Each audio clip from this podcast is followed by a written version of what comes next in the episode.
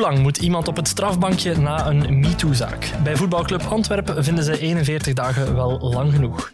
In Brussel is Groen op zoek naar een nieuwe partijvoorzitter. Wat zegt het vertrek van Meirem Almachi over Groen? En we praten u bij over de NAVO-top van deze week. Welkom, ik ben Stavros Kelipouris. Dit is Lopende Zaken. Lopende Zaken. Een podcast van de morgen. En zoals iedere week ga ik slimmere mensen dan mezelf aan het woord laten. Naast mij zit Bart Eekhout, hoofdredacteur van deze krant. Dag Stavros. Buitenlandjournalist Maarten Rabai zit erbij. Dag Stavros. En ook columniste Jana Antonissen. Dag Jana. Dag Stavros. We beginnen met het verhaal van Mark Overmars, vleugelspeler van voetbalploegen Ajax en Barcelona. En sinds kort ook de man die bij Ajax moest opstappen na grensoverschrijdend gedrag en dickpics die hij verzond naar ondergeschikten. Geen nood, dachten ze in, Antwerp, in Antwerpen. Moet ik zeggen. Twee weken na zijn ontslag had Overmars wel genoeg geleden en ging de voetbalclub met hem praten. Overmars werd deze week voorgesteld als de nieuwe technische directeur van de club. Jana, iets zegt me dat jij 41 dagen iets te snel zal vinden. Ja, dat klopt. Um, ja, sowieso denk ik wel dat het moeilijk is om een exact tijdstip erop te kleven. En ik denk dat dat misschien ook niet per se aan een, een, bedrijf of mensen is, maar dus ja, dat er wel een soort wetgeving zich aanhangt. Want na alle MeToo-schandalen is het eigenlijk best gek dat er nog niet echt richtlijnen voor gemaakt zijn.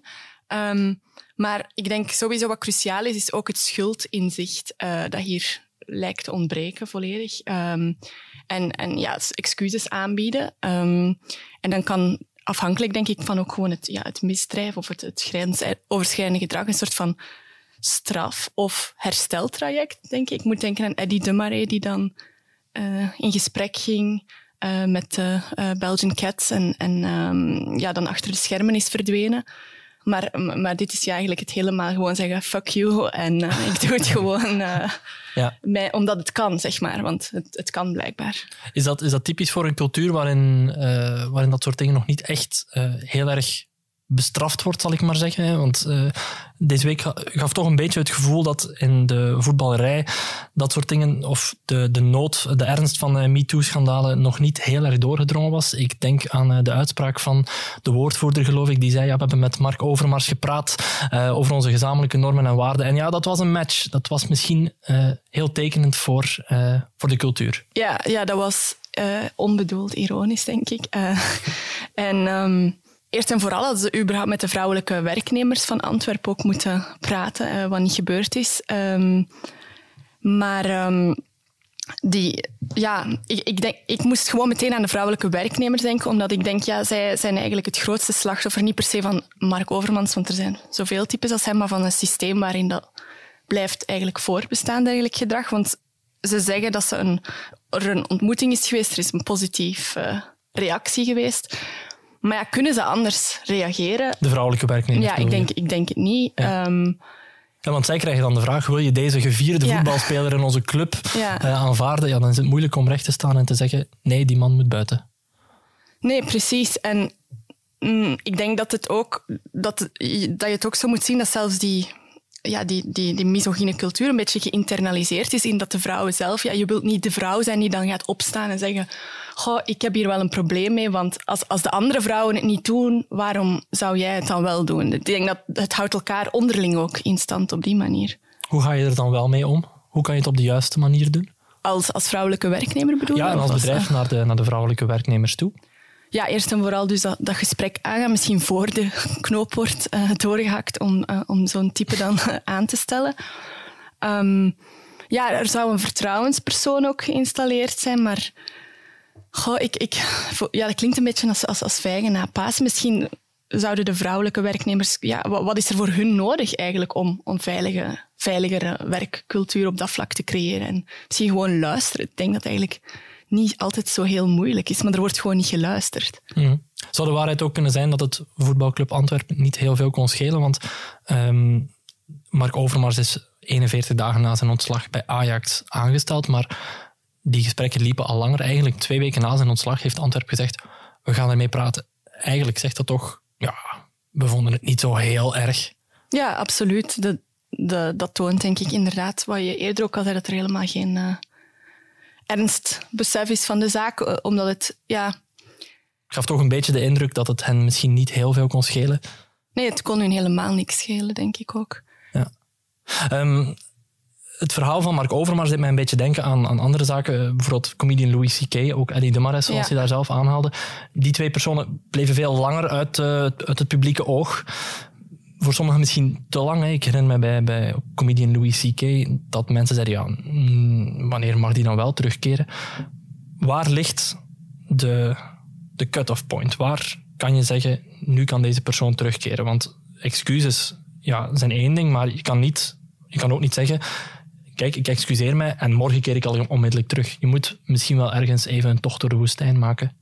Ja, ja inderdaad. En ik, ik, het hangt denk ik ook af van wat er juist gebeurd is. Ik bedoel, iemand die mensen heeft aangerand en verkracht, denk ik, komt liever niet eh, terug als leiding in een eh, gelijkaardige functie. Maar zoals ik zei, ik denk dat er een soort van nu misschien gesprekken moeten gevoerd worden over hoe kunnen we daar een datum op of kunnen we daar een, een tijdstip op plakken. Maar ik denk dat het ook gewoon aan de bedrijven zelf is om in te schatten van ja, de- als de pu- publieke verontwaardiging ook zo hoog is, nog denk ik dat het gewoon ook sowieso al tekenend is dat het te vroeg is. Ja. Zeker als die publieke verontwaardiging ehm, in zo'n fel contrast staat met je eigen communicatie, Ja. dat het allemaal wel niet zo erg eh, is. Het verhaal van eh, Mark Overmars is natuurlijk maar één verhaal, maar ehm, het is een verhaal dat op veel plaatsen in de samenleving eh, te vinden is. Vandaag gebeurt, start ook het proces tegen Jan Fabre. Is dat vergelijkbaar? Is dat van hetzelfde kaliber of is dat toch nog anders? Goh ja, ik, ik was er niet zelf bij, maar het klinkt... Jan Fabre, denk, denk ik, is misschien nog wel een stapje verder. Hoewel het is natuurlijk allebei een soort van cultuur die jarenlang in stand is gehouden. Dus op dat vlak is het wel heel gelijkaardig. Een soort van klimaat creëren waarin dat soort gedrag genormaliseerd wordt. Mm, en ja, ik, ik vind Jan Fabre inderdaad een goed voorbeeld voor dat het overal gebeurt. Maar ik denk vooral eigenlijk in systemen waar er eh, niet per se altijd een macho-cultuur is, maar waar ook misschien werknemers op passie of, of toewijding worden aangesproken. En daardoor dan, ja, moet je niet flauw doen, want het is geen normale job. Dus, dus ik denk dat dat dan ook al vaak eh, meespeelt. Ik moet gewoon denken aan bijvoorbeeld bij Jan Fabre, dat er werd gezegd, ja, het is heel lichamelijk theater, dus je gaat sowieso over je eigen grenzen, maar dat wordt natuurlijk helemaal uitgebuit. Is helemaal uitgebuit.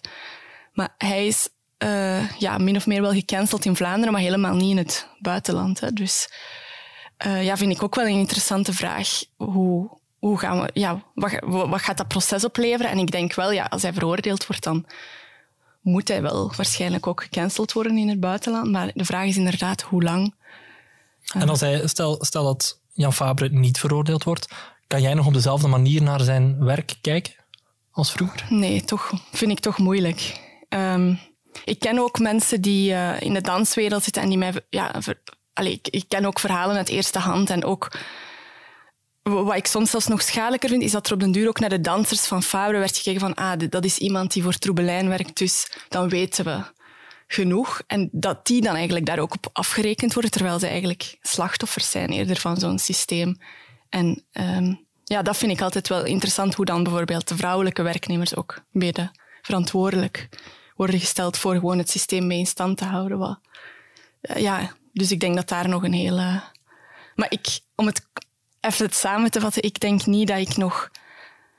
Ja, ik kan absoluut niet nog op dezelfde manier kijken als ik ja, al die verhalen en eh, getuigenissen heb gelezen. Nee. bijzondere aan, aan, aan de figuur Jan Fabre is dat eigenlijk van zolang als de man eh, aan kunst doet, bij een vrij ruime eh, groep van insiders bekend was dat hij zo te werk ging, dat hij grenzen overschreed, dat dat eigenlijk, zou ik bijna zeggen, bijna een beetje de kern van zijn werk uitmaakte. En dat is eigenlijk eh, nooit heel erg ernstig genomen. Ehm, er is altijd een heel... heel veel waardering geweest eh, voor zijn werk. Hij werd eigenlijk een beetje, beschouwd als een soort magier, waarvoor de gewone regels niet van tel waren. Ook nu nog zijn er eh, fans, eh, er is geen ander woord voor, fans in, in, in, in de kunstwereld, die hem de hand boven het hoofd blijven houden en blijven zeggen dat dat nu eenmaal is de manier waarop hij werkt. En ja, dat vind ik dan toch wel een beetje pijnlijk, dat op, zelfs op dit moment de, de, de verhalen van die slachtoffers niet ernstig genomen worden. Ik denk dat dat ook heel tekenend is voor de manier waarop we als cultuur nog steeds naar zo het mannelijke genie en Mhm. het toptalent kijken en die zich dan meer dingen kan veroorloven omwille van het talent. Of, of eh, zoals Overmars en zoals Jan Faber inderdaad. Zou een vrouw dan niet eh, op dezelfde manier behandeld worden? Je bedoelt een vrouw die eh, jarenlang werknemers Ja. eigenlijk ja, grensoverschrijdend manipuleert? Goeie vraag. Ik denk, ik ben toch geneigd om te zeggen van, van niet. Ik denk dat zij dan eerder als, als die verhalen uitkomen en inderdaad, ja, ik denk dan toch. Ja, is, is er een voorbeeld? Kennen we een voorbeeld van zo iemand? Ik kan niet meteen op iets niemand te komen. binnen.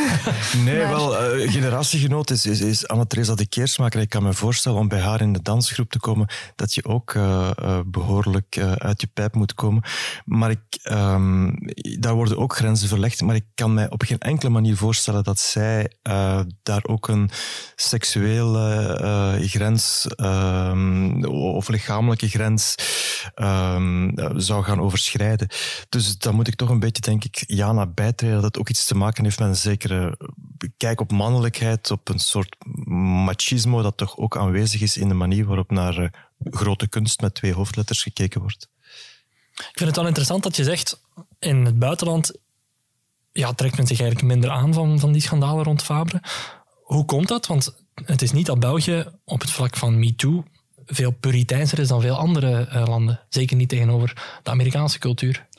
Ja, die brief, die ondertekende brief, is hier in alle hevigheid uitgebarsten. Ik denk dat dat, maar lo, dat, dat logisch is dat, dat, dat België daar dan, of dat Vlaanderen daar dan meteen gevolg aan geeft. Ik weet, ik weet wel dat daar ook in het buitenland over geschreven is, maar misschien heeft het minder stof doen opwaaien. Ik, ja, dat, dat weet ik inderdaad eigenlijk niet. Mm, ik wil nog even inpikken op, op zo de mannelijke genie als kunstenaar. Ik heb eh, een tijdje zelf voor een eh, regisseur gewerkt, die ook heel grensverleggend was. En ehm, ik moet, als ik daarop terugblink, ook ja, eerlijk toegeven dat ik ook misschien vaak, omdat het eenmaal comfortabeler is als je in een soort grensoverschrijdend systeem zit en je weet, het begint klein, het begint met opmerkingen of ongepaste blikken en, en het, schuift dan altijd verder op. En zolang er bij jou niet echt een fysieke grens wordt overgeschreven, maar misschien wel bij anderen, dat het eigenlijk wel helaas eh, ja, vaak makkelijker is om weg te kijken. Want als niemand opstaat, of als, als niemand... Ik bedoel, bij Jan Faro moest er ook één iemand de eerste zijn om het naar buiten te brengen. En dat vergt ook redelijk veel moed. En ik denk dat vandaag helaas ja, nog te veel aan individuen is om zo die bedrijven of, of, of systeme- systemen om, te, om te gooien.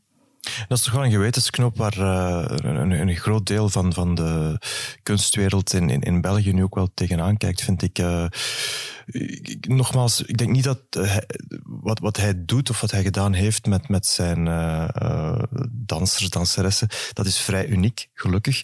Eh, maar er zijn wel heel veel mensen die eh, dit wisten, die dit aanvaard hebben, ook collega's van hem, hè, en die hebben altijd de andere kant op gekeken. En dat vind ik toch wel eh, een, een, een, een, een, een gewetenskwestie voor hen. Ja. Doe me denken aan de, aan de zaak eh, Bart de Pauw, waar, zeker als je de documentaire eh, bekijkt die na de rechtszaak uitgezonden werd, waar je ook zag, ja, eigenlijk wisten heel veel mensen wel wat, wat daar gebeurde en er zat een bepaalde systematiek in. Maar je zag ook dat grenzen maar heel traag overschreden werden en een beetje bij beetje de grenzen verlegd werden. Maakt dat het ook moeilijker voor mensen om dan te zeggen, ja, hier ligt de grens, als de grens telkens een klein beetje verlegd wordt? Ja, absoluut. Ik bedoel, als, als het begint met gewoon een bericht waarin niks seksueel of zo getint staat, dan denk ik, creëert het soms zelfs zeker in de kunstwereld een soort van uitverkoren gevoel van wauw, de, de baas heeft interesse, vindt mij misschien wel goed. Maar ja, zodra dat dan inderdaad omslaat, wordt het wel moeilijker, want dat was ook bij Bart de Pauw, wat sommigen ook zeiden, want ja, heb ik, ja, heb ik zelf te veel, heb ik, heb ik genoeg afgeblokt, maar hoe ver kun je afblokken? Ehm, ja, maar ik denk dat het bijna zelden is dat het meteen full-on eh, ja, de ergste mogelijke grensoverschrijding is, maar dat het inderdaad heel geniepig en geleidelijk aan en zo dus jarenlang kan voortgedijen.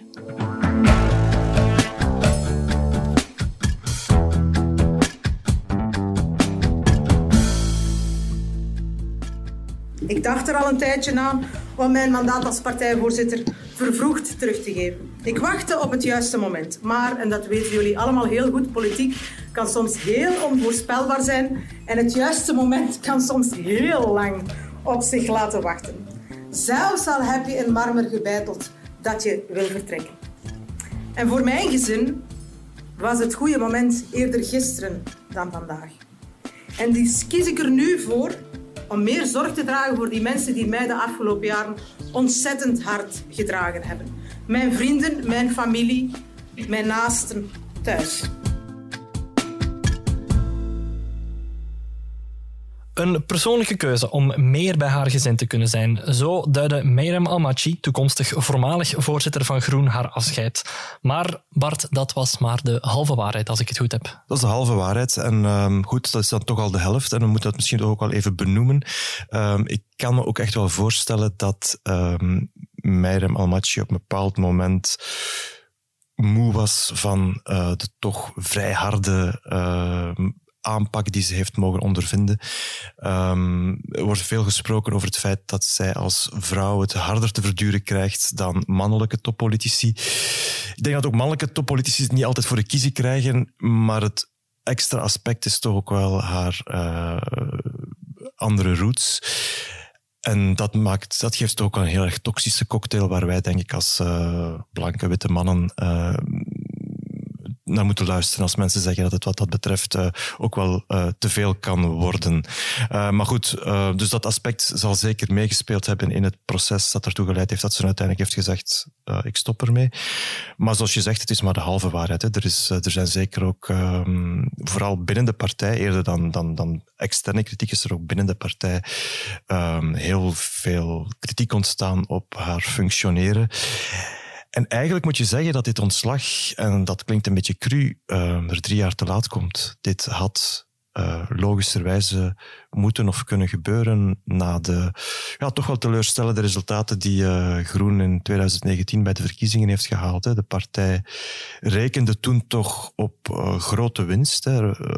was de, de, Groene Golf? Wel, de Groene Golf. Het was de periode dat de, de, de klimaatmarsen in volle opmars waren. En het leek alsof Groen alleen maar aan de verkiezingen zou moeten deelnemen om die met vlag en wimpel te gaan winnen.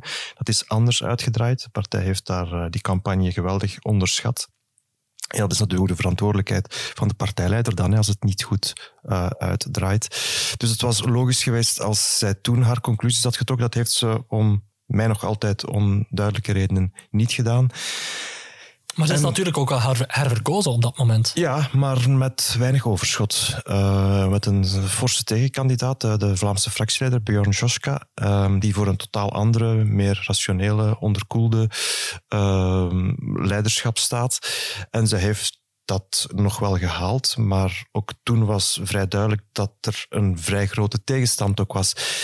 En de partij heeft zich eigenlijk sindsdien nooit meer echt uh, kunnen hechten er is toen ook die uh, heel moeilijke uh, passage geweest met het aanduiden van federale ministers, hè, waarin zeker Christophe Calvo zelf had gedacht dat hij de voorkeur zou krijgen en ook de voorkeur had van uh, Meirem Almachi. Maar die heeft haar handen daar dan van afgetrokken en dan heeft de basis gekozen voor Petra de Sutter naast Tine van der Straten. Dat heeft een nieuw trauma eigenlijk binnen die partij. Dus er is, er is, eigenlijk al jarenlang eh, zijn er heel veel uh, onverwerkte spanningen binnen die partij die, um, ja, die tot een soort kookpunt zijn gekomen omdat de partij het ook uh, ja, erg moeilijk heeft hè, binnen, de, binnen de regering ook. Uh, en dan heb je die, die gemiste kernuitstap als klap op de vuurpijl, zal ik maar zeggen. Ja, want voor Groen zou het eigenlijk feesttijden kunnen zijn. Hè, voor het mm -hmm. eerst in twintig jaar opnieuw in de regering. Mm -hmm. En toch denk ik, slagen ze er niet in om echt goed uit de verf te komen. Ze hadden één heel duidelijke groene eis, heel concrete groene eis in dat regeerakkoord, de kernuitstap. En door omstandigheden hebben ze die nu ook moeten loslaten. Ja, uh, de omstandigheden waren al um, niet goed. We hebben er hier in deze podcast al vaker over gesproken, dat het er uh, niet echt geweldig uitzag voor die kernuitstap. Maar het is zeker zo dat uh, de Groenen een, een, een, redelijk risico hebben genomen door zoveel balletjes in één mand te leggen bij de regeringsvorming. En ja, er was een, uh, er, er, was een, een, zijdeurtje die uh, altijd heeft mogelijk gemaakt dat die uh, kernuitstap er uiteindelijk niet zou komen. Zeker, voor Groen is dat eigenlijk misschien, denk ik, een groter probleem dan voor Ecolo, want Ecolo heeft nog de minister van Mobiliteit. Daar kan je als groene politicus nog wel iets mee doen, met meer aandacht voor het spoor, et cetera.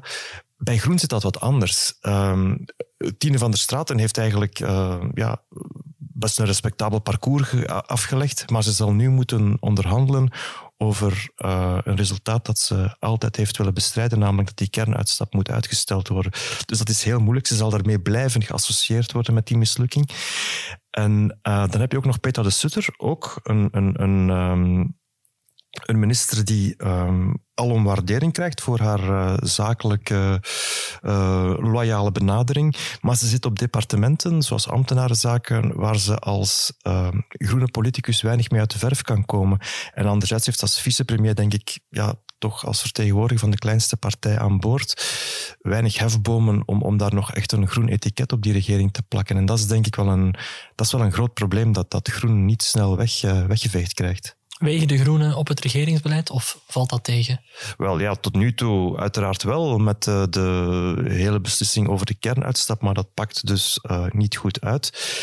En nu is het de vraag hoe, uh, hoe die partij uh, zich kan heruitvinden, kan herpakken binnen dat regeringsbeleid, wat toch een, een ja, zeg maar de belangrijkste etalage van je politiek handelen zal zijn. Je bent lid van een regering en je kan nog heel moeilijk aan je kiezers uh, je eigen meerwaarde daarin, um, uh, daarin uitleggen. Ik uh, neem nog eens terug een voorbeeld dat ik ook in de krant gebruikt heb. Uh, op de dag van het ontslag van Meirem Almachi stond in andere kranten Sami Medi met de boodschap dat hij fors ging investeren in gesloten opvangcentra voor uitgeprocedeerde asielzoekers vanuit de logica van, uh, um, van, van, van de staatssecretaris is dat wellicht uh, goed bestuur, maar het gaat wel recht in het hart van, van, van, waar, uh, van, van de migratiepolitiek waar groene partijen voor staan. Dus dat soort uh, kleine nederlaagjes gaat Groen voortdurend moeten incasseren. En ik zie niet meteen in welke grote overwinning ze daar tegenover gaan kunnen stellen. De Groenen zeggen wel, ja, we hebben heel wat binnengehaald. We hebben 1,2 miljard investeringen in hernieuwbare energie geforceerd. Is dat wat? Is dat historisch? Want zelf vroegen ze natuurlijk wel 8 miljard. Mm -hmm. Ja, het is natuurlijk belangrijk, uh, maar een probleem, als je puur naar beleid kijkt, is, zit je daar met een probleem van verdeelde bevoegdheden. Als je echt uh, de omslag wil maken in je energiebeleid, dan moet je ook naar het Vlaanderen kijken. Daar gebeuren daar zit het beleid dat echt van toepassing is op het, huis, op mensen huishouden. De isolatie van, van huizen, uh, welke soort verwarming je installeert. Dat soort dingen zijn eigenlijk in handen van Zoual Demir uh, als minister van uh, Energie in Vlaanderen. Niet bepaald de grootste vriendin van groene politiek. En daarboven zit dat federale niveau, die inderdaad wel een aantal grote kaders kan uittekenen. Maar het is heel moeilijk om dat concreet te, te maken um, na, na, naar kiezers van dit is onze bijdrage. Dus dat maakt die, um, dat maakt die, die, die, die investering in, in hernieuwbare energie politiek heel moeilijk vermarktbaar. En ja, bon, het blijft toch het idee van ja, dat het een, een soort compensatie is voor een gemiste doelstelling. Ik wil nog even terug naar Meirem Almachi. Is dit nu een goed moment om te vertrekken, omdat Groen met zichzelf worstelt? Of een slecht moment, net omdat het een slecht moment is om van kapitein te veranderen wanneer je midden in de storm zit? Het is op zijn minst een raar moment, uh, om de reden die je zelf aangeeft. De, goed, de, de, discussie van de kernuitstap is in principe beslecht. Moet nog wel helemaal, uitge, helemaal uitgevoerd worden. Dat wordt nog een, een, een ander paar mouwen. Um, maar eigenlijk is dat afgerond. En zou je kunnen zeggen, oké, goed, dit is doorgeslikt. Nu kunnen we uh, verder uh, naar een nieuwe horizon. Maar het zit nog wel natuurlijk in een, in een, in een storm, want die, discussie is, uh, zoals we al gezegd hebben, niet goed geëindigd voor Groen. Anderzijds denk ik wel, um, nu heeft de partij nog twee jaar om um, toch intern uh, de bakens te verzetten met een uh, nieuw leiderschap. Ik vermoed ook met een uh, herbronning, uh, interne opfrisbeurt van, van, van de ideologie. Dat, dus daar is nog wel voldoende tijd voor. Als uh, Miriam Almachi was blijven zitten, dan zou die herbronning toch veel moeilijker uh, zijn gegaan, omdat ze dan toch door dezelfde personen uh, uh, wordt verpersoonlijkt. Dus in die zin zou je kunnen zeggen, goed, de partij heeft nog twee jaar om zichzelf ehm, aan de haren uit het moeras te trekken. In principe, in politieke termen, moet dat volstaan. Nu weet je ook wat ik als vervolgvraag ga stellen. Wie moet Meirem Almachi opvolgen? Ja, dat is een goeie. Um, vele kandidaten. Um, officieel is er nog geen enkele kandidaat, voor alle duidelijkheid. Omdat ze dat afgesproken hebben dat niemand uh, ja, zijn ja. kandidatuur zou ja. communiceren. Dus, uh, maar je voelt wel dat er heel veel, uh, heel veel, toch een stuk of vier, vijf mensen zo aan het rondsnuffelen zijn. Hè. Um, een dat aantal... zijn de mensen die niet antwoorden op de vraag, ben je kandidaat? Ja, ja. dus de al genoemde Björn Joska, die staat toch al lichtjes te popelen in de gang om, wanneer het eindelijk wel mag om uh, te zeggen dat hij kandidaat zal zijn. Dus die denk ik dat we wel mogen verwachten. Christophe Calvo denk ik minder, um, omdat hij toch wellicht ook zelf tot besef gekomen is dat zijn figuur misschien te polariserend is op dit moment. Hè. Hij blijft heel veel weerstand oproepen.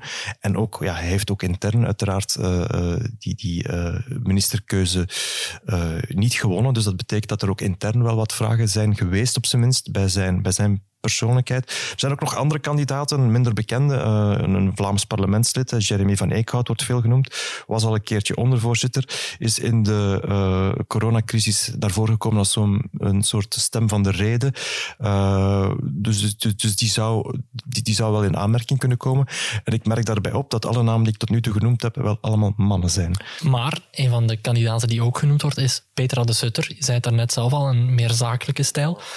Is dat de stijl die Groen nodig heeft? Want in de partij klinkt het wel dat zij een zeer goede kandidaat zal zijn. -hmm. Ik denk inderdaad dat zij um, gezag heeft, wat misschien een, um, een, een, belangrijke kwaliteit is op dit moment voor die partij, dat zij ook niet gecontesteerd zal zijn binnen de partij. Dat zij inderdaad zo iemand is die verschillende vleugels kan um, overstijgen. Maar ik denk en dat is natuurlijk een, een, persoonlijke mening van iemand die voor de rest geen enkele uh, zaken heeft bij welke keuze Groen maakt. Ik zou denken dat je toch een, een meer ideologisch profiel nodig hebt op dit moment. Iemand die echt uh, van kop tot teen de, uh, die groene ecologische waarden, die basis, die kernwaarden kan uitstralen. En dan heb ik eerlijk gezegd geen enkele naam in mijn hoed zitten die dat zou kunnen. Pijnlijk. Ja, goed. Uh, ik, ik, ben ook maar wie ik ben. Hè. Uh, ik, ik, heb geen lidkaart van die partij, dus ze hoeven, niet, ze hoeven absoluut niet geen rekening te houden met mijn, uh, met mijn mening.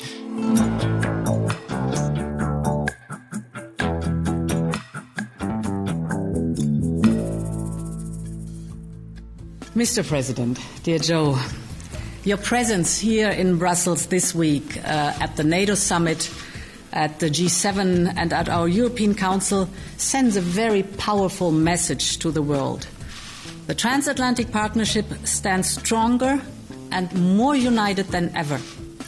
And we are determined to stand up against Russia's brutal war. Putin was banking on NATO being split. NATO has never, never been more united than it is today. Putin is getting exactly the opposite what he intended to have as a consequence of going into Ukraine. Over naar de NAVO-top. Maarten, Biden was deze week in het land. Wat heeft ons dat opgeleverd? Wel, uh, ik denk dat het uh, voor de NAVO uh, zelf was het een, een, een zeer goede top. Um, voor Oekraïne iets minder, daar kom ik zo op terug. Um, voor de NAVO zelf zijn ze eigenlijk in een opzet geslaagd om die, die eenheid te bewaren. Um, Biden zei, zei het ook rechtstreeks van kijk, Poetin had gedacht dat hij de NAVO kon verdelen. Dat is hem niet gelukt. En dat klopt ook. Hè. Je ziet dat voor de eerste keer in vele jaren dat, dat alle lidstaten het eens zijn dat ze uh, samen moeten werken. Um, die verdeeldheid uh, tussen de Europese lidstaten en de VS, die is ook nu uh, lijkt verdwenen. Er was veel sprake de voorbije jaren over Europese defensie en, en de vrees dat dat een soort van splijtsham zou worden binnen de NAVO. Dat is nu allemaal van de baan. Um, de NAVO zal extra troepen sturen naar de oostflank om, om eigenlijk haar, haar kerntaak, de territoriale defensie van, van dat defensiebondgenootschap, om die kerntaak in te vullen. Uh, het gaat om, denk ik, uh, vier gevechtsgroepen van 1500 man naar, naar landen als Roemenië. Dus dat, dat stelt al die, die buurlanden van Oekraïne gerust. Maar deze top, denk ik, als, als we later zullen terugkijken, zal toch vooral de top zijn waar uh, de noodkreet van president Zelensky te horen was. Uh, hij zei letterlijk, geef ons 1% van jullie gevechtsvliegtuigen, geef ons 1% van jullie tanks. Um, want ja, hoe lang kan je dit nog, nog laten doorgaan? uh, dit, dit, conflict. En hij kreeg daar een, een, vriendelijk, maar redelijk kordaat antwoord op van NAVO-secretaris-generaal Stoltenberg. Die zei van ja, we moeten eerlijk zijn. wij, wij kunnen niet uh, ons verder engageren om, om Oekraïne daadwerkelijk uh, bij te staan. Er zullen wel extra wapens worden geleverd, maar niet de wapens die de Oekraïners verwacht hadden. En waarom, waarom niet? Wat is het verschil in zo'n oorlog tussen wapens leveren, dus, dus handwapens, en anderzijds uh, gevechtsvliegtuigen. Wat is daar het, het grote verschil tussen? Wel, ik, ik denk dat het vooral uh, gaat om, om het, uh, ja, e-, de escalatie. Hè? Dat als er gevechtsvliegtuigen worden geleverd, dat de Russen dat zullen zien als, als eigenlijk een, een, een directe steun van, van NAVO-lidstaten om, om, om Russische vliegtuigen in, in luchtgevechten uit de lucht te schieten. En, en uh, dat gebeurt natuurlijk nu ook met, met, met kleinere wapens, met, met tanks, met, met wat luchtafweer. Uh, maar ik denk dat ze, dat ze ja, vooral vrezen eigenlijk dat, dat um, als ze gevechtsvliegtuigen gaan leveren, dat, dat Poetin dan um, ook stappen zal zetten tegen, uh, tegen NAVO-landen. Want de NAVO en de Europese leiders hebben deze week hun stinkende best gedaan om de eenheid te tonen. Je kan ook zeggen, het is makkelijk om eenheid te tonen als je boodschap eigenlijk is, we gaan ons niet moeien. Ja, dat, dat is inderdaad uh, nu de kritiek. Hè. Ik, ik denk dat uh, uh, het, het, het, idee van, van kijk, wij, wij komen hier met een mooie familiefoto, maar dan daartegenover, je ziet het op, op alle websites, ook de onze, je hebt aan de ene kant die mooie familiefoto van hoera, eenheid, en dan, daarnaast staat dan een foto van Mariupol of, of Kharkiv of, of ergens een buurt rond Kiev waar uh, ja, dode burgers op de grond liggen. En, en dat, dat contrast, dat, dat, dat steekt natuurlijk. Hè. Dat is, uh... Hoe groot is de eenheid onder de Europese leiders echt? Want de oostelijke lidstaten zijn wel ongerust, denk ik, dat zij binnen de kortste keren ook uh, ten prooi zullen vallen aan het, aan het Russische leger. Klopt, en zeker Polen uh, heeft daar een heel grote ja, rol in, in te spelen. De Polen hadden eigenlijk gehoopt dat, dat de NAVO verder zou gaan, omdat zij natuurlijk, ja, de, hebben al luchtaanvallen gehad vlakbij hun grens. Zij hebben 2 miljoen uh, Oekraïnse vluchtelingen al opgevangen. heel veel wapentransporten ehm, vertrekken vanuit Polen naar Oekraïne. En Poetin heeft al gedreigd dat hij die wapentransporten zal aanvallen. Uh, en de kans bestaat dus dat, dat op een dag uh, zo'n wapentransport uh, niet ja, in op Oekraïns grondgebied, maar op Pools grondgebied bijvoorbeeld getroffen zal worden. En dan is het hek natuurlijk van de dam. En Polen heeft zelf al gezegd van ja, zij zijn voorstander van een soort van vredesmissie.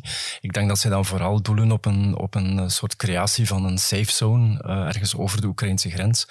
Maar natuurlijk, als je, als je zo ver gaat, dan kan je alleen maar doen met een, met een stevig VN-mandaat, want anders uh, zal Poetin dat zien als een oorlogsverklaring. Ja, en met een VN-mandaat zou Poetin het dan niet zien als een oorlogsverklaring? Dat, dat is de grote vraag natuurlijk. Hè. Uh, ik, ik, ik vrees van, van wel. Uh, maar aan de andere kant, uh, als je een VN-mandaat hebt, we hebben conflicten gehad in het verleden, denk aan Bosnië waar uh, VN-mandaten toch wel gewerkt hebben uiteindelijk. Maar ik denk dat het nu veel te vroeg is daarvoor. Denk je dat Poetin onder de indruk is van die Europese eenheid die deze week uh, symbolisch getoond moest worden? Uh, hij zal, ja, ik denk wel dat hij zich nog altijd, uh, ja, dat hij wel zal beseffen dat hij zich toch mispakt heeft. Um, je, merkt bij het begin van het, uh, ja, zeg, militair uh, had, had hij gehoopt dat hij veel sneller vooruit zou gaan. Maar ik denk ook dat die sancties hen toch echt wel zeer, zeer hard pijn beginnen te doen. ook bijvoorbeeld, als je ziet dat op de Europese top gisteren, rond, rond energie bijvoorbeeld, is al beslist beslist dat, er, uh, dat de Amerikanen nu ook uh, olie en gas naar Europa zullen, zullen brengen, waardoor dat we toch iets versnelder onze afhankelijkheid van die Russische olie en, gas kunnen afbouwen. Uh, dat zijn zaken die je vooraf waarschijnlijk niet, niet had ingecalculeerd. Ja, want Europa bereidt nu een nieuw sanctiepakket voor, voor het geval dat uh, Poetin chemische wapens zou inzetten. Denk je dat Poetin daardoor terughoudender zal zijn? Ik, kan niet in het hoofd kijken van, van, van Poetin. Um, wat natuurlijk ook wel eh, de kans bestaat ook dat, dat hij um, sancties uh, die, die nog worden opgevoerd, uh, militaire druk die nog wordt opgevoerd, dat hij dat ziet als een, als een escalatie van onze kant. En dat hij ook dan zelf gaat escaleren. Uh, daar moeten we uh, rekening mee houden. Maar aan de andere kant hebben we nu geen keuze om, vooral omdat, wat je zegt is heel terecht, die chemische wapens, daar bestaat ook een heel grote vrees over bij inlichtingendiensten ehm, omdat zij, ja, zij moeten uh, troepenbewegingen gezien hebben uh, daar rond. Uh, en, en ergens moet je een, een, rode lijn trekken, ook al mag je het zo niet noemen.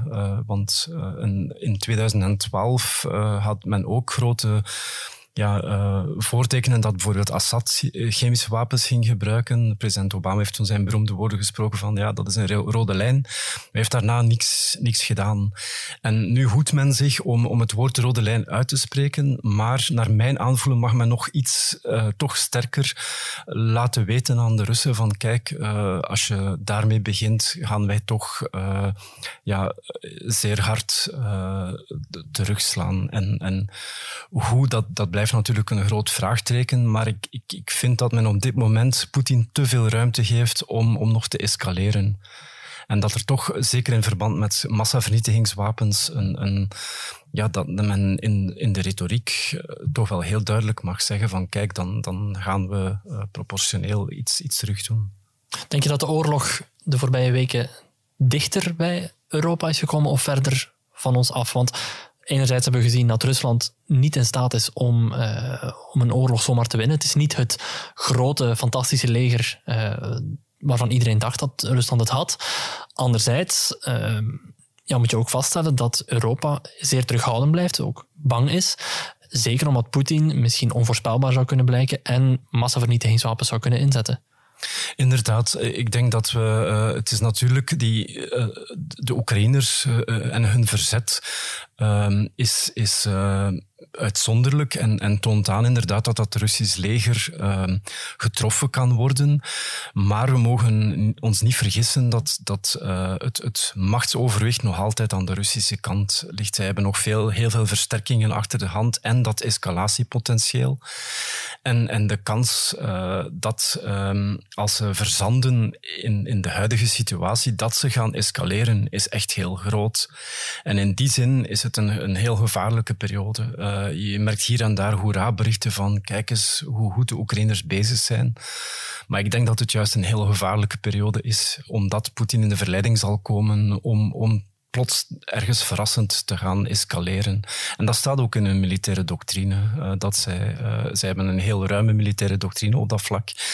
En wat je ook ziet is dat um, waar vroeger een heel strikte scheidslijn was tussen conventionele wapens en massavernietigingswapens, dat die scheidslijn uh, aan het vervagen is. Um, en je zit met een generatie Russische officieren die uh, ja, niet meer de Koude Oorlog heeft meegemaakt, die dat gewoon zien als, als hun uh, ja, arsenaal waar ze kunnen uit, uit putten om, om die oorlog te winnen. En de manier waarop de Russen uh, ja, in Syrië bijvoorbeeld oorlog uh, voeren, want ze zijn daar nog altijd ook actief, ja, stemt toch niet tot, tot veel hoop. Ja. Hoe staat het in het Kremlin? Er zijn steeds meer berichten dat getrouwen rond Poetin ja, twijfels hebben. Uh, dat er ook mensen zijn die zeggen: Ik heb het gehad, wij zijn weg. Er was een, een hooggeplaatste functionaris die deze week naar Turkije vertrokken is. Denk je dat dat een rol kan beginnen spelen? Dat, dat denk ik wel. Um, je, je, merkt toch dat die, die sancties hun, hun effect beginnen hebben. En dat uh, ja, in Rusland zelf uh, er toch ook protest komt onder de, ja, onder de bevolking. Uh, bijvoorbeeld de moeders van die soldaten. dat, zijn, dat is een heel belangrijke stem in, in Rusland vandaag. zij, hun organisaties worden wel verboden, maar, maar dat neemt niet weg dat zij nog altijd aan het demonstreren zijn. En die hebben bijvoorbeeld in de oorlog in, in Tsjetsjenië een grote rol gespeeld om het conflict uh, toch van intern eigenlijk uh, te helpen bezweren. Uh, er worden heel veel vragen gesteld van waarom zijn onze zonen aan het front? dit was niet, niet aangekondigd enzovoort. En dan wat, wat die oligarchen betreft, de VS heeft bijvoorbeeld gisteren nieuwe sancties genomen die nog verder gaan. De EU zal ook nog nieuwe sancties nemen. En, en uh, ja, ik, ik, je valt wel te verwachten dat er hier en daar inderdaad mensen uh, zich gaan distancieren van Poetin. En dat is een, ja, eigenlijk de dynamiek waar we moeten op hopen. Dat, dat het van binnenuit in Rusland, dat er iets zal veranderen. Uh, maar de vredesgesprekken zelf, die lijken een beetje in het slop te zitten. Ja, klopt, omdat dat toch wel uh, vooral het, het boodschappenlijstje was van, van Poetin. Dus uh, de Oekraïners. Het zijn ook vredesgesprekken die, ja, die ongelijk zijn. Hè. aan de ene kant heb je een, een, een regering die, die voortdurend wordt gebombardeerd. En, en die, er wordt letterlijk met, met ja, het, het pistool op het hoofd onderhandeld. En dat zijn geen onderhandelingen. Dat, dat zijn uh, ja, gesprekken met, waar je kan overeenkomen om hier en daar een humanitair konvooi door te laten. Maar om echte vredesgesprekken te hebben, heb je wapenstilstand nodig. En wat ik een beetje mis internationaal is, is uh, een, een, een gezant, internationale gezant bijvoorbeeld, uh, met een VN-mandaat bijvoorbeeld, die, die gaat onderhandelen ergens op een neutrale plek. en, en dat, dat, dat mis je nu. Nu zijn er zo initiatieven. Er is in Wit-Rusland gesproken, is in Turkije via Zoom. Uh, nee, je moet echt die uh, delegaties hebben van, van alle strijdende partijen. Je moet ze samenzetten op een neutraal terrein. Genève is een voorbeeld. Um, zet daar een, een, aantal heel sterke diplomaten bij. Het kaliber van Weilen Madeleine Albright, die deze week overleed. Uh, en en, en laat ze, sluit ze op en laat ze onderhandelen. En, en op die manier kan je misschien een dynamiek creëren uh, buiten de figuur van Poetin om ook. Want ik kan me wel inbeelden dat er ook wel Russen zijn die, die denken van misschien moeten we toch wel iets slimmer gaan onderhandelen. Misschien moeten we jou maar sturen, Maarten. Dankjewel, uh, Maarten. Uh, daarmee zit onze tijd er weer op. Hartelijk dank aan mijn gasten Bart, Jana en Maarten. Hartelijk dank ook aan onze luisteraars. Vindt u deze podcast het beste dat u ooit gehoord heeft? Laat het ons dan weten op podcasts.demorgen.be. Ik ben Stavros Kiripouris. Dit was Lopende Zaken. Tot volgende week.